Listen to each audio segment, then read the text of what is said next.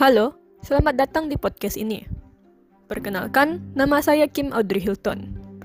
Saya adalah mahasiswa semester 6, jurusan psikologi dari Universitas Ciputra, Surabaya. Pada hari ini, saya akan membahas sebuah kasus gangguan mental. Kasus pada hari ini bercerita tentang C yang berumur 24 tahun. C memiliki kebiasaan aneh mencabuti rambutnya sendiri, baik di kepala maupun di bagian lain tubuhnya. Dia merasa stres di sekolah, dan itu yang menyebabkan kebiasaan tersebut. Sayangnya, tidak ada yang mengerti mengenai kondisinya atau bahkan diagnosisnya, apalagi C sendiri. Kebiasaan tersebut menghasilkan botak di sebagian kepala kanannya. Pada akhirnya, dia harus mencukur seluruh rambutnya dan mengenakan wig. Sayang sekali teman-teman di sekolahnya justru membuli dengan menarik-narik wignya dan memanggil C alien. Ini membuat C menjadi sulit percaya dengan orang lain. Di usia 13 tahun, dia sempat mencoba bunuh diri dua kali karena keadaan di sekolah. Bahkan saat dia sudah bekerja sebagai kontorsionis atau manusia karet di sebuah sirkus, dia tetap takut bahwa wig yang dia pakai akan jatuh dan merusak pekerjaan yang menjadi passionnya tersebut.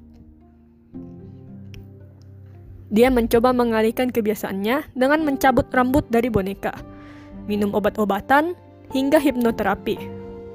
Tetapi hal tersebut tidak ada yang berhasil. Bahkan terapis yang dia datangi mengatakan kalau dia tidak pernah mendapatkan pasien seperti C. Akhirnya, dia memutuskan untuk menjalani transplantasi rambut. Ayah C yang terus menjadi pendukung terbesarnya menawarkan untuk membayar prosedurnya yang berharga sekitar 184 juta rupiah. Jadi sebenarnya, apa yang diderita si C ini? Gangguan yang C miliki disebut dengan gangguan trikotilomania atau gangguan mencabut rambut. Menurut Grant, trikotilomania merupakan kondisi mental di mana seseorang memiliki dorongan yang tidak tertahan untuk mencabut rambutnya dan terjadi secara berulang yang bersifat kronis.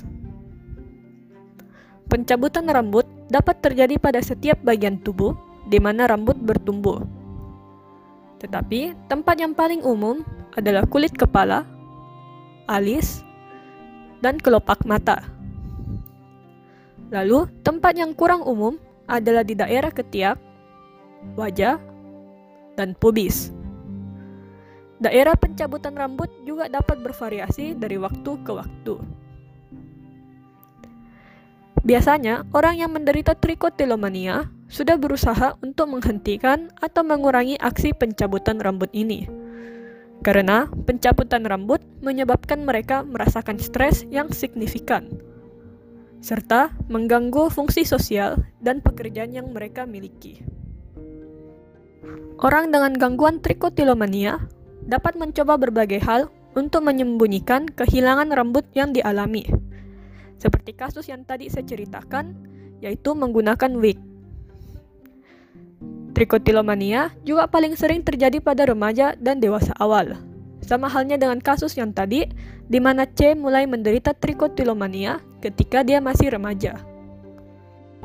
Kemudian, apa saja gejala dari gangguan trikotilomania ini?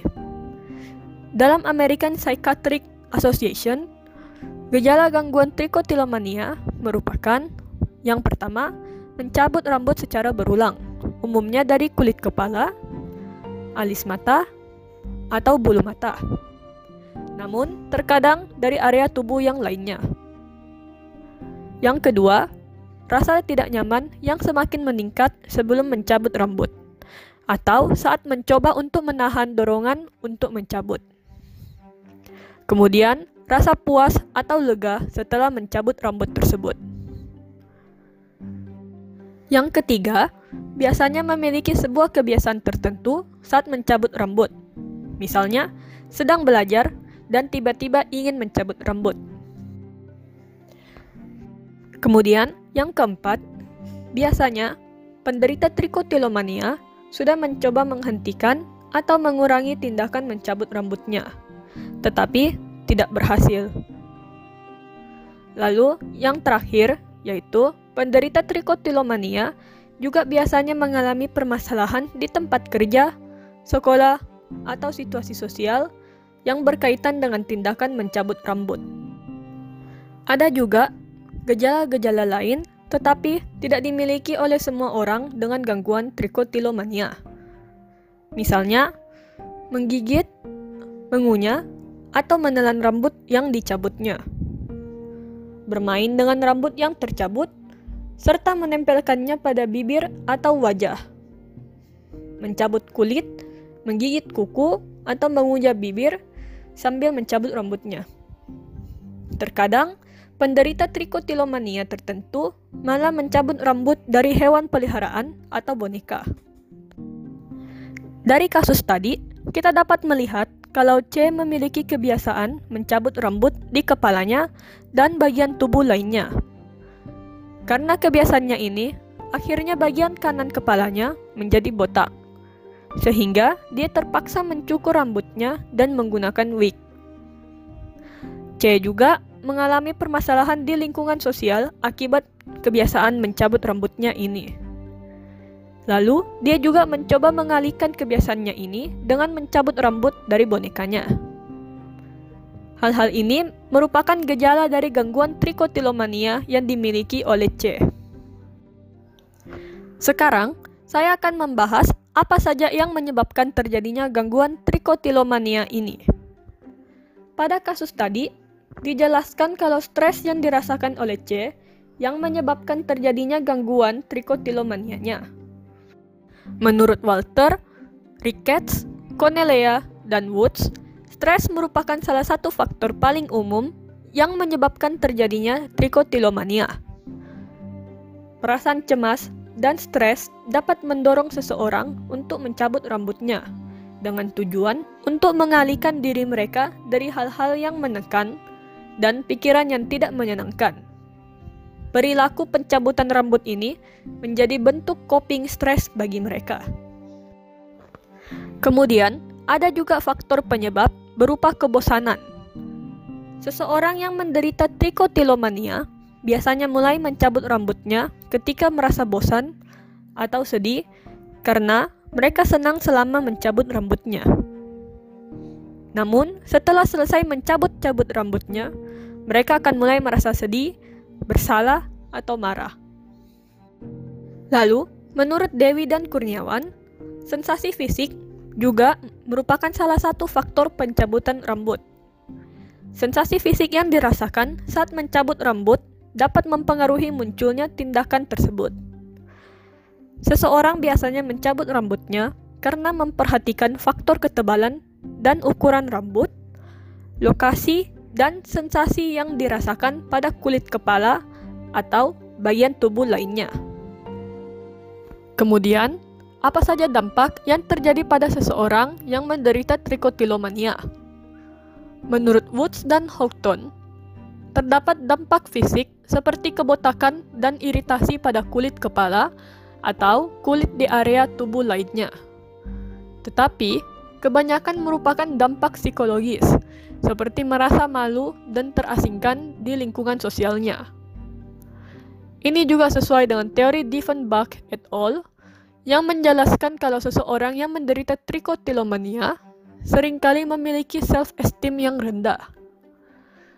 Tekanan psikologis yang dirasakan tersebut akhirnya akan berdampak pada hubungan sosial dan menurunnya prestasi di bidang pekerjaan atau pendidikan. Dalam kasus ini, C menggunakan wig untuk menutupi kebotakannya. Dan ini berdampak negatif ke lingkungan sosialnya, yaitu dia dibully oleh teman sekolahnya. Akibat kejadian bully yang dia alami di sekolah, C menjadi sulit percaya kepada orang lain. C juga memiliki tingkat kepercayaan diri atau self-esteem yang rendah akibat kebotakannya itu. Dan Akhirnya, dia menjalani operasi transplantasi rambut yang mahal agar dia tidak botak lagi. Dalam kasus, dapat diketahui kalau tidak ada yang mengerti dengan kondisi C, baik dirinya sendiri maupun keluarganya. C baru melakukan sebuah treatment berupa hipnoterapi, obat-obatan, dan pergi ke terapis saat dia sudah dewasa. Tetapi, treatment yang dilakukan tidak berhasil. Dikarenakan C memulai kebiasaan mencabut rambutnya akibat stres, maka saya ingin mengusulkan beberapa treatment yang dapat dilakukan oleh C, yaitu yang pertama, C dapat menurunkan perilaku mencabut rambutnya melalui Habit Reversal Training atau HRT. Penerapan teknik HRT terdiri dari tiga komponen, yaitu Awareness Training and Self-Monitoring, Stimulus Control, dan Competing Response Procedures. Morris et al. 2013 menjelaskan kalau pada setiap komponen tersebut, C dapat belajar menyadari ketika ada dorongan mencabut rambut, menghindari situasi yang memicu perilaku tersebut, dan mengubah perilaku maladaptif menjadi perilaku yang adaptif. Kemudian, yang kedua, C juga dapat mengikuti acceptance and commitment therapy, di mana dia akan diminta untuk mengalami dorongan mencabut rambutnya dan menerima dorongan itu tanpa melakukannya. Lee et al. menjelaskan kalau dengan mengikuti acceptance and commitment therapy, C dapat belajar untuk mengendalikan dorongan mencabut rambut yang mereka rasakan.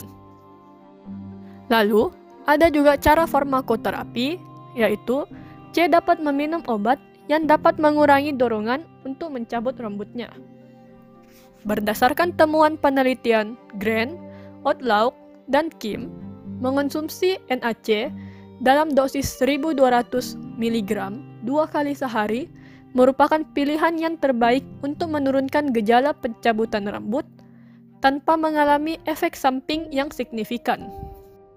Dengan melakukan treatment ini, C diharapkan dapat berhasil mengendalikan dorongan mencabut rambutnya dan mengatasi atau mengurangi kebiasaan mencabut rambutnya ini.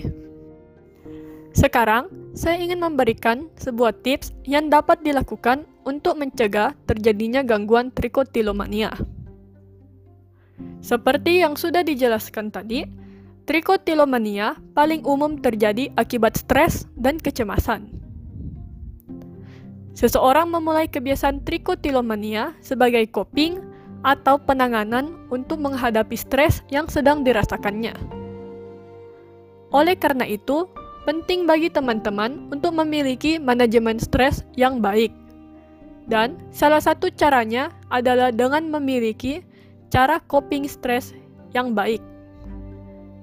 Salah satu cara coping stres yang baik merupakan problem focus coping, di mana seseorang berusaha untuk mengatasi atau mengelola masalah yang menyebabkannya merasa stres.